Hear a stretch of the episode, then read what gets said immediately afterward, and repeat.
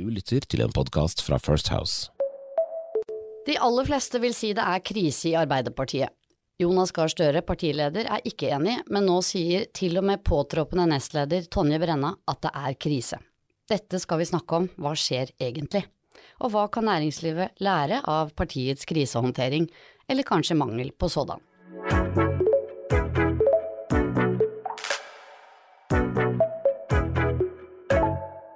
Velkommen til Skjæringspunktet. Dette er podkasten i skjæringspunktet nettopp mellom politikk og næringsliv.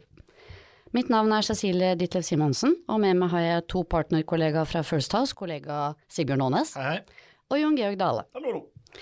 Vi skal eh, snakke om Arbeiderpartiet, og eh, det er sannelig ikke lett å vite hvor vi skal begynne. Vi skal eh, snakke om det som skjer i kulissene før landsmøtet nå til eh, helgen, og vi skal snakke om det nesten eh, ingen skriver om akkurat nå, nemlig politikken som faktisk skal diskuteres på Arbeiderpartiets landsmøte. Så skal vi innom eh, ukens snakkis, og vi skal til eh, favorittinnslaget Ukens hodepine. Men aller først, dere, snakkisen. Og hva er den? Ja, i hvert fall ukens snakkis mellom meg og Sigbjørn, og for så vidt veldig mye politisk avdeling her i First House, har jo eh, den rapporten som kom fra Riksrevisjonen om der de har gått gjennom og sjekka liksom politikernes etterlevelse av etterlønn og pendlerboligsaken og alle disse politiske skandalene vi har sett.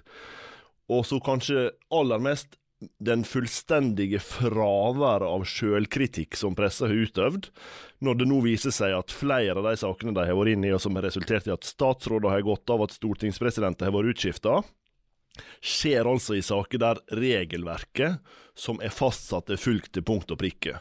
Og det er ingen form for selvkritikk i norsk press på det. Men før vi kommer til pressen, så må vi bare til de som eventuelt ikke har fått med seg dette med, som rapporten har kommet med, så kommer det jo ganske tydelig eh, da oppsummert at det er en rekke stortingspolitikere som ikke har gjort alt de skulle i henhold til regelverket. Noen har fått betalt for mye penger eh, i forbindelse med at de har trådt ut av Stortinget annet. Og så kommer det mye kritikk mot Stortingets egen håndtering av regelverket. Utydelig regelverk og mangelfull oppfølging. Men eh, det er pressen du har vært mest eh, forbanna på. Ja, fordi at uh, det må være sånn at politikerne følger det regelverket som gjelder. Naturligvis er det det. Og for de som har fått beskjed om å tilbakebetale, naturligvis skal det det. du kan på en måte ikke innvilge deg sjøl rettigheter du ikke skal ha. Men det som har skjedd, er at de demokratiske spillereglene er endra fordi folk faktisk har gått av. Politiske påvirkninger. Ta det i Arbeiderpartiet, da. Når Hadia Tajik må gå av som både statsråd og som nestleder, og de nå får konklusjonen på at hun har fulgt det regelverket som har vært gjeldende. Hele det maktspillet vi ser i Arbeiderpartiet nå, kommer jo blant annet ut av at hun faktisk måtte gå av. Nå vil hun tilbake igjen, men hun får ikke plass, til tross for at nå Riksrevisjonen da sier at i hennes tilfelle så holdt seg innenfor det regelverket som gjelder. Og Da har det liksom direkte innflytelse på hva slags sammensetning regjeringa har, hva slags tillitsverv sentrale eh, politikere har i partiene.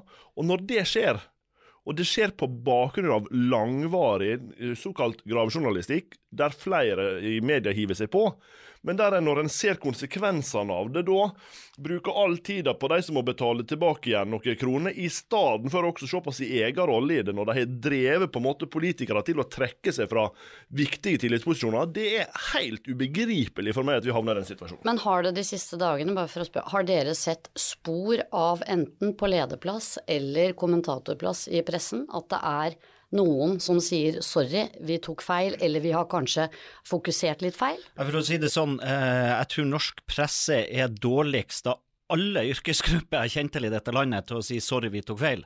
Det skjer jo nesten aldri. Eh, det er jo eh, Altså, pressen generelt er jo fullstendig eh, mangel på en sånn sjølransakelse og evnen til å erkjenne feil. De er utrolig opptatt av at alle andre skal legge seg flat, de er utrolig opptatt av alle andres feil, men de er jammen veldig lite opptatt av hva de sjøl gjør feil. Men er det, liksom, en av redaksjonene her som har vært verre enn andre? Jeg vil si over, over tid så jevner dette seg ut, men, men, akkurat i denne saken så har vel Aftenposten eh, vært, eh, vært, en ganske sterk driver, også delvis snak, sammen med DN. NRK var jo utpå i én sak, men det ble med den ene saken, og da fikk de mye pushback og, og, og for så vidt la det, la det bort. Men, men i sum så er jo dette en av de utfordringene i hvert fall jeg tidligere har opplevd mye med norsk presse, at de, de evner rett og slett ikke å se seg sjøl. De forstår ikke hva den jobben de gjør, også gjør verken med enkeltmennesker, eller Jon Georg sier sånn som med, med, med, med også i posisjoner i maktspillet. Eh, det, det, virker av og til så at de ikke eh, evner å se konsekvensene av egen jobb. Og, og, det, og, det, som skjer, og, at alle som har vært i politikken, og jeg tror de som har vært i journalistikken også vet inderlig vel, at en del av de ordningene som politikerne har, er ikke alle som unner politikerne. Det er en fair diskusjon. Men når du sammensauser det at du ikke unner politikerne så gode ordninger som de har, med å drive fram at folk går av når de har fulgt regelverket, da på en måte endrer du uh, hele det politiske spillet basert på feil forutsetninger. Og det som er risikoen da, det er jo at folk kan gjøre feil. I politikken kan du gjøre feil, du kan unnskylde. Du kan av og til må du også ta konsekvensene når det faktisk går av. Men det som er risikoen, er jo at politikerne blir så vant med at denne støyen bare orker ikke de, sånn at de beste slutter. Og Vi kan ikke sitte igjen i et politisk system der de som får andre jobber, går til andre jobber for å slippe støyen, mens det er bare de som ikke får annet arbeid som ender igjen må sitte igjen på Stortinget. Vi kan jo ikke ha det sånn. Nei. Så det er et problem for det, liksom hele det demokratiske systemet at vi ikke får et oppgjør men, når en faktisk går for langt. Men her savner jeg også egentlig at de kaller noen av de, de de største, altså Erna, Jonas og andre, burde ha tatt mer ansvar på vegne av politikken og stått opp for politikerne og, og kalle det politiske Men hvorfor systemet har, de ikke, hvorfor har de ikke gjort det? Fordi at det er vanskelig. Det er, vanskelig er, de redde for sitt eget omdømme, da? Nei, men det er mer vanskelig å stå opp i denne debatten mot velgerne og det som det massive trykket, for det er jo det pressen har gjort der, som Goggen er innom, det er jo at de har jo dømt politikere på sånn som pressen mener regelverket skulle ha vært, ikke sånn som regelverket har vært, og det er jo det som er den store store feil. Men det er politikere som ikke har fulgt regelverket også. Det ja. kommer også frem i rapporten. Og de blir hengt ut, og det fortjener de. Ja. Ingen tvil om det. Men, men, det er det som er problemet, fordi at også i pressa lov er feil. Men det som er så rart etter en sånn diskusjon som vi hadde, med, liksom med vedvarende trøkk på sentrale politikere, som endrer sammensetninga f.eks. på stortingspresident, da, nummer to etter kongen i dette landet. Når, når, det da skjer, og så er det Ingen skjønnransakelse etterpå. Gjorde vi noe dumt her? Ingen diskusjon på gikk vi for langt? Sørga vi for at det var god nok kontroll på dette? Ingen av den type spørsmål. Og jeg er helt sikker på at hvis det hadde vært omvendt, så hadde du hadde forlangt at politikerne tok ansvar for det, ja. mens pressa sjøl slipper unna. Vi, vi, burde jo egentlig ha møttes til en sånn pod-battle mot Aftenpodden i denne saken, for jeg er sikker på at de har et helt annet syn i Aftenposten men altså, på dette. Men blir dere invitert, så stiller dere jo. Ja, så... vi, vi, møter gjerne Trine og Sara og de til en, til en liten battle. Der har vi en, eh, en åpen eh, invitt, i hvert fall fra vår kant. Eh, dere, vi må videre. Og hovedtemaet i dag er Arbeiderpartiets landsmøte. Som det er mye oppmerksomhet om, men som har vært mye rundt Arbeiderpartiet det siste, så handler det mest om konflikt og personstrid og uenighet, og veldig lite om politikk. La oss uh, først bare konstatere, er det krise i Arbeiderpartiet? Selvfølgelig er det krise i Arbeiderpartiet, og det, det tror jeg egentlig ikke er kontroversielt å mene. Eh, jeg registrerer at Støre ikke vil kalle det krise, men jeg tror absolutt alle andre i partiet Hvorfor gjør han ikke det? Nei, det syns jeg er vanskelig å forstå. Eh, fordi at det, det, er et eller annet igjen med tilliten ut mot velgerne og eget, eh, kall det partiapparat og organisasjon. Når alle ser det, alle snakker om det, men så står du allikevel og skal fortelle at det er ikke krise, så, så, så, så skaper du sjøl en avstand i din kommunikasjon med det alle ser er helt opplagt. Hva, hvis dere kort da, Jon Georg skulle, skulle sagt, hva, hva er det som gjør at det er krise? Hva handler krisen om? Krise handler om at Arbeiderpartiet bruker for mye tid på internt spill og posisjonering, i stedet for å utvikle ny politikk for landet. Og det gjør at, og, Hvorfor blir det sånn? Nei, det er, for, det, det, det er, mange forklaringer på det. Noe av dette han går helt tilbake til Hadia Tajik og Trond Giske-striden, åpenbart. Det er et spørsmål om politisk retning, det er et spørsmål om fornyelse, men det er også et resultat av at meningsmålingene nå er veldig dårlige, og han ikke finner helt rolla i regjeringssamarbeid. Og, og det, det, er ikke helt uvanlig. Men, men det som er kjerna i utfordringa nå, det er at de prøver på en måte hele tida å komme et steg videre. Nå la valgkomiteen f.eks. fram forslag på to nye nestledere etter vedvarende intern diskusjon. Og da trodde en på en måte puh, nå har vi på en måte et grunnlag for Enstemmig innstilling. ja, hadde vi liksom grunnlag for en ny start, og så plutselig ser partisekretæren i spill igjen. Og det viser jo for så vidt at det er så mange krefter som ikke er klar til å forene, fordi de opplever at det nå handler liksom om partiets framtid. Mange av disse har sett at sosial, de sosialdemokratiske partiene i mange europeiske land har forvitra, og de er på enkelt uh, nivå redde for at det samme kan skje med Arbeiderpartiet. At det ikke er et naturlig hegemoni på 25-30 og derfor må de ta grep. Det uh, driver fram denne konflikten. Og, og før, vi, før jeg går inn på personkonfliktene, så, så for å forklare litt hvorfor jeg tror at de er i en velgerkrise, og, og overskrifta på det er at problemet deres er at de nå presenterer løsninger på det som var gårdagens problemer. Og, og For å utdype det litt, så er det sånn at i forrige periode, altså fram til de vant valget i 2021, brukte de fire år på å utvikle ny politikk. Og etter valgseieren i 2021 så forhandla de med Senterpartiet på det som var de store utfordringene den gangen. Men det du ser de har gjort siden da, er jo at verden har endra seg fundamentalt. Vi har gått fra et kjempekraftoverskudd og billige strømpriser til å, til å, til å ha energikrise i Europa og dyre strømpriser. Vi har fått en krig i, i, i Ukraina. Verden er så endra, men allikevel så er det de bruker mest energi på, er jo de politiske problemer, eller det som var problemene før 2021. Ta f.eks. energipolitikken. Alt som kommer i 2023 gjør det vanskeligere å bygge mer kraft og nå målene Arbeiderpartiet og regjeringa sjøl har sagt seg for 2030, både på utslipp og på økt eksport. Alt. Og det er fordi at det de har kommet med nå i 2023 og delvis i 2022, er svaret på det som var den store energidebatten i 2019, hvor alle var imot vindmøller på land. Men den verden er totalt endra, sånn at jeg tror at hovedutfordringa deres i møte med velgere nå, det er at løsningen de presenterer er på det som var problemene før, og nå er det andre problemer som er viktige for, for folk. Det ser du også, de bruker masse politisk kapital og økonomisk kapital på reverseringer som folk nok var kanskje opptatt av for to år siden, men som ikke er det viktigste lenger. Og da blir det sånn. og midt oppi dette så oppstår nå en ny strid om valg av partisekretær. Og Arbeiderpartiet er jo det eneste partiet som har en valgt Uh, skal vi si heltids eh, partisekretær. Hva kommer det av, Jon Georg? Nei, det er jo fordi at partisekretæren, i motsetning til andre partier som har generalsekretær som ikke er valgt, men ansatt, er jo partisekretæren en del av den valgte ledelsen. Og Det gjør jo at det både er et tillitsverv, samtidig som du på en måte administrerer partikontor og apparat. Og Det betyr jo at du på mange måter blir mer ansvarliggjort i partisekretærrollen i Arbeiderpartiet enn du blir i en del andre partier der du reelt sett bare kan skifte ut den ansatte. Og Det gjør også at den rolla blir mer eksponert i Arbeiderpartiet enn den blir i de fleste andre partier. Så det er jo, det er jo liksom litt av fundamentet for dette. Men, men jeg tror liksom når en skal gjøre analyser av hva er det som gjør at det liksom er stadig nye spill, og hva er det som gjør at det til slutt ble Kjersti Stenseng alt handla om i Arbeiderpartiet, så tror jeg det handler om at der er for mange som er for utålmodige, eller i hvert fall veldig utålmodige, på å se en erkjennelse i den sentrale ledelsen på de grunnleggende utfordringene som uh, grasrotbevegelsen sjøl opplever at det er. Og det, jo, Jonas- det kjenner vi igjen. Jonas Gahr Støre har jo fått mye kritikk for at han ikke utøver sterk nok ledelse. Så prøver han vel kanskje nå eh, å faktisk fremstå å være en sterk leder. Han kontakter Helga Pedersen, tidligere nestleder, som sa at hun kunne være villig til å stille som kandidat mot Kjersti Stenseng som partisekretær. Eh, og så eh, går han kanskje i baret, både ved å ringe og ikke minst snakke litt eh, etter hvert om hva han sa også, eller? Ja, altså for, for, helt ærlig, jeg har nok sansen for at han som øverste leder ser at her er en totalitet han er nødt til å ta vare på for partiet, og som øverste leder ser han ok, dette ble bra, det, denne innstillinga går vi for. Eh, Det må jeg si at det, jeg, der er jeg enig med Støre, det er hans jobb som, som leder å gjøre det.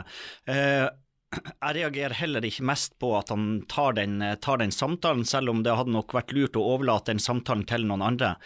Eh, det som derimot ikke var lurt, det var å begynne å referere til innholdet i den samtalen. For det, som statsminister så vil du veldig ofte få spørsmål om, om eh, innholdet i samtaler med statsråder og partiledere og alt mulig annet. Du må bare alltid holde den.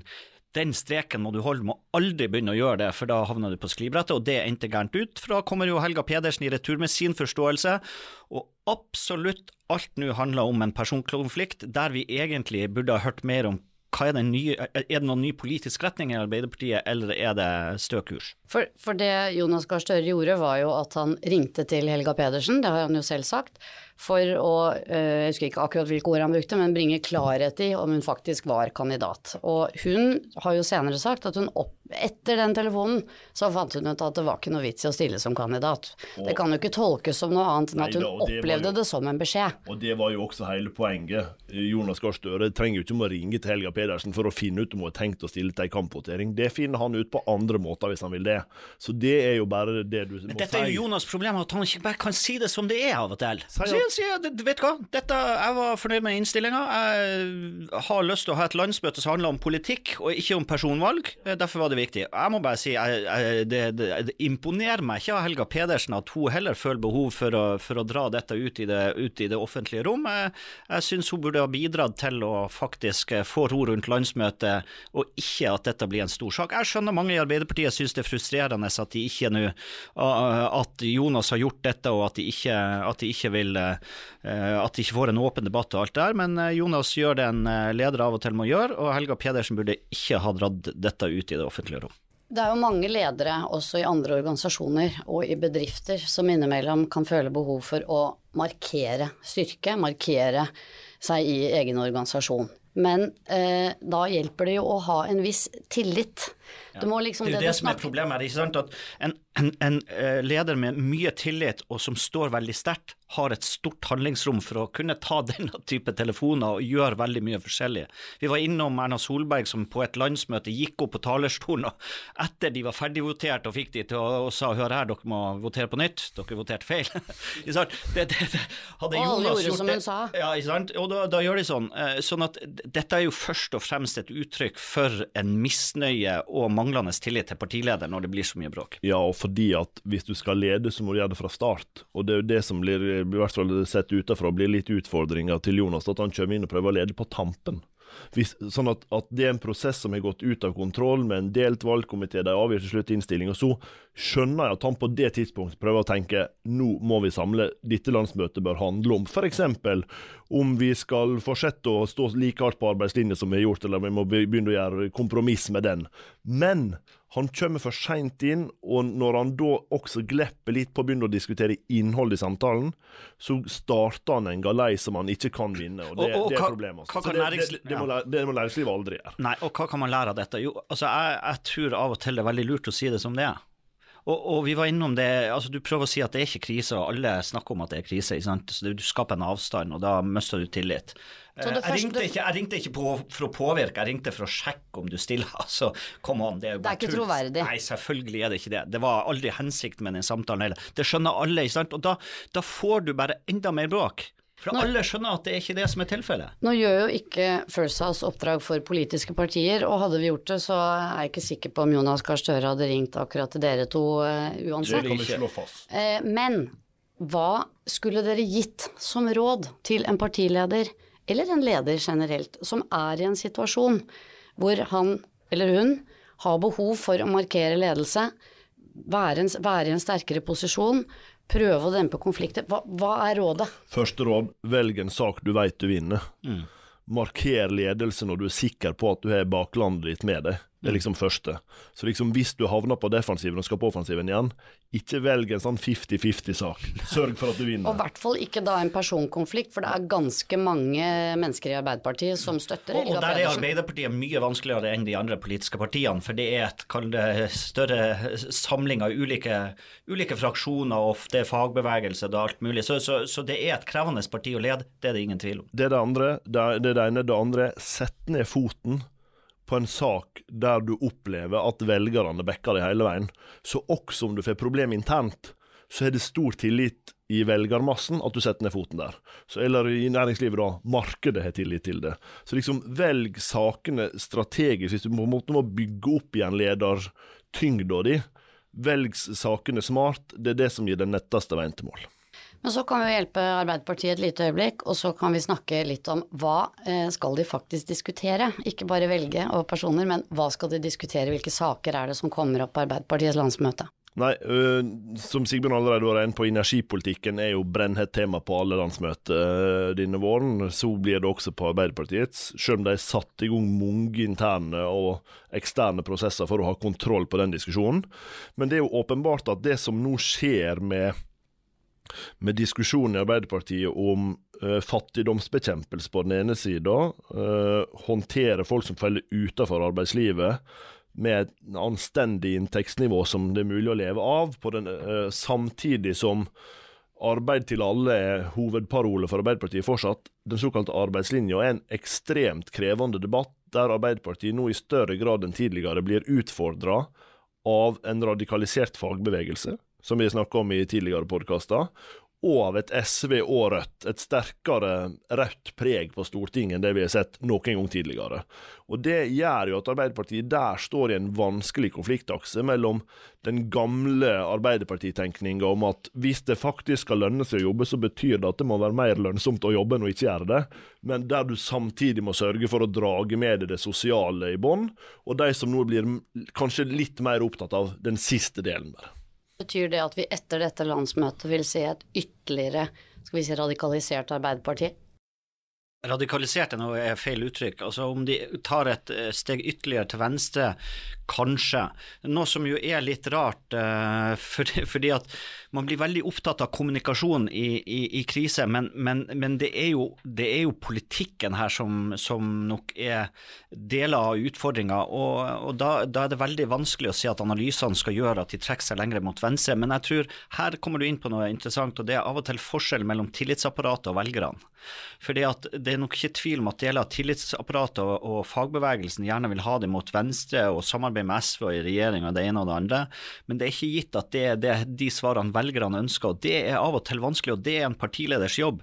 Det å, det å forstå liksom, det rommet mellom et landsmøte og de tillitsvalgte og velgerne der ute. Og det, det, er jo en diskusjon som jeg kjenner igjen liksom fra mitt uh, parti, Fremskrittspartiet, som av og til har den samme litt diskusjonen. Ligger velgerne nå til høyre for oss, og vi skal flytte oss lenger ut på høyreaksen, eller trekker de mot venstre, og er det der liksom de store velgersegmentene er? Og det, det, er ikke så uvanlig at fløyparti har den diskusjonen hele tida. Det som er litt mer uvanlig, er at Arbeiderpartiet blir så sterkt prega av den, og det tror jeg også kommer til å påvirke de politiske diskusjonene på dette landsmøtet. Mye av det som skjer i Arbeiderpartiet er jo superinteressant for alle som er engasjert i politikk, selvfølgelig. og og for pressen. Spørsmålet er hvilken betydning har det det som skjer i partiet for næringsliv, samfunnsliv for øvrig. Vi går inn mot kommune- kommune-, fylkestingsvalg. Eh, hvilke temaer er det som eh, folk skal følge med på? Nei, eh, nå på Arbeiderpartiets landsmøte så vil jeg si at skatt og rammevilkår eh, blir viktig å følge med for næringslivet. Den overraskende prosessen regjeringa satte i gang for alle på disse grunnrenteskattene i september i fjor, den ser vi nå allerede har påvirka en del forslag som kommer inn til Arbeiderpartiets landsmøte. Nå skal det være eh, forslag om skatt, grunnrenteskatt på havvind, det er vel på infrastruktur, og det jeg vet ikke på, til og med på stein, tror jeg det var. sånn at du ser jo at det regjeringa har gjort gjort, også påvirker hvilke forslag som kommer inn. Så jeg tror på rammebetingelser blir det viktig å følge med. Men der var jo statsministeren og finansministeren ute i forrige uke og sa at nå var det ikke stram oljepengebruk lenger. Nå sier de sjøl at de ikke skal introdusere noen nye overraskende skatter, men de skal heller eh, bruke mer oljepenger. Tror dere at eh, Jonas Gahr Støre kommer til å bruke ordet krise i talen til landsmøtet i helgen? Nei, og det ville ikke jeg gjort nå heller. Altså hvis, Når du har låst deg så i det budskapet som man har gjort så lenge, så ville jeg ikke brukt landsmøtetalen til å erkjenne at jeg ikke hadde uh, tatt inn over med alvoret før jeg sto på den talerstolen. Så når han er kommet dit han har nå, så vil jeg Det blir ikke før i boken hans. Nei, men jeg, nei, men jeg ville på en måte prøvd å komme på offensiven. Ikke snakke om alt som skjer av støy og spetakkel. Sette fokus på de politiske sakene. Prøve å skrive Arbeiderpartiets historie på nytt. Men er det ikke det han prøver hele tiden? Jeg tror? Jo, jo, men, men du må i hvert fall bruke landsmøtetalen din til det. Hvis du ikke bruker talerstolen til det, men begynner å snakke om alt som er vondt og vanskelig, da kan da er du ikke, snakker ikke om å skyte deg sjøl i foten lenger, da sikter du jo på tinningen. Og jeg håper jo også pressen skjønner at det er, det er andre viktige ting enn personkonflikt på Arbeiderpartiets landsmøte. Vi, vi resten av befolkninga har også et behov for å vite hva er det landets største regjeringsparti faktisk eh, vedtar av politikk. Det er jo det som til syvende og sist er viktig i hverdagen vår. Det er ikke konflikt mellom Helga Pedersen og Kjersti Stenseng, det er de politiske vedtakene dette landsmøtet. Så jeg håper pressen skriver om mer enn en konflikt. Ja, dette er eh, faktisk femte utgave av Skjæringspunktet, og den eh, bolken vi får mest ros for, det er den som kommer nå, og det er ukens hodepine. Og vi har jo hørt ganske mye om eh, spesielt Sigbjørns hodepiner. Og hadde det vært opp til deg, så ville du jo snakket om dette hele tiden. Ja, det er fra daglige hodepine og flere ganger om dag. Jeg irriterer meg jo over en del, da. Det har vi fått med oss, men denne gangen er det faktisk Jon Georg som skal ja, Det er ikke lede. bare Jon Georg, altså. Nei, ok. Men vi begynner med Jon Georg. Hva er det som har plaget deg mest? Det er at uh, disse fantastiske kontorlokalene der vi fortsatt ikke har vårt egen pult Nei, men glem nå det, da. Du Ja, men- får ikke det. Nei, men det er nå supplert med at vi skal ha overtidsmat fra en sånn vegetarrestaurant her borte i gata. Takeaway. Ja, men uh, takeaway, da. Men uansett, jeg sitter her, jeg er jo 100 kilo, jeg skal sitte og jobbe konsentrert utover kvelden, og så er det de har å servere, arbeidsgiveren min kan tilby meg overtidsmat, er kikerter. Jeg- Men vet du hva, det er jeg- veldig sunt. ja, det, men jeg er ikke i stand til å opptre med, med, med en viss produktivitet. Hva skal du ha? gjennom- Pizza, eller? ja, altså, gi meg hva som helst. Karbohydrat eller kjøtt eller et eller annet. Bare gi meg noe annet enn salatblad og kikerter. Jeg orker det bare ikke. altså, Sigbjørn, du sitter jo i styret her. Hva, Ja. Hvem er det som har bestemt dette? Nei, ikke sant, og det, det er da man lærer seg at man må faktisk ha kontroll over de viktige tingene, som er hva er lunsjen i kantina, hva er overtidsmaten, eh, hvordan trenger man ikke ha nøkkelbrikke for å komme seg inn på jobb, og alle disse tingene, for det at plutselig så bestemmer folk ting. Og jeg vet ikke, det, det er sannsynligvis de- Nei, jeg tror det er de unge i selskapet, med hipp og moderne og vegansk og det ene og det andre. Men det voksen passer ikke meg. Nei, ikke sant, nå skjønner jeg at jeg ikke er en del av de unge. Sånn at eh, jeg og Sigbjørn vurderer nå å starte vår egen sånn uh, aksjon for, eh, for valgfrihet på overtidsmaten. Ja, Ja, jeg er sikker på mange vil støtte dere. Herregud, dere har skikkelig store problemer. ja. Men i-landsproblem er også, Også problem. problem. Ja. Det er vårt motto for Det er vårt 2023. Ja. Ja, men eh, da har vi vært gjennom det, dere. Så skal vi runde av med å eh, komme inn på politisk kalender. Eh, Vi har snakket om landsmøtet i Arbeiderpartiet, som altså skjer 4. til 6. mai. Så kommer statens tilbud i- jordbruksoppgjøret eh, 5. mai. Og så, bare for å ha nevnt det, så er det snart frist for å invitere politikere til Arendalsuka for dere som planlegger arrangement der. 15. mai er den fristen. Og så er det faktisk tid for å gå inn eh, for landing. Vi får jo ønske Arbeiderpartiet lykke til med landsmøtet sitt, da, etter at eh, vi har eh, diskutert det så iherdig her. Det unner vi deg jo. Vi gjør jo det. Vi gjør jo det. Tusen takk for at dere hørte på, og takk for at dere deler podkasten med andre.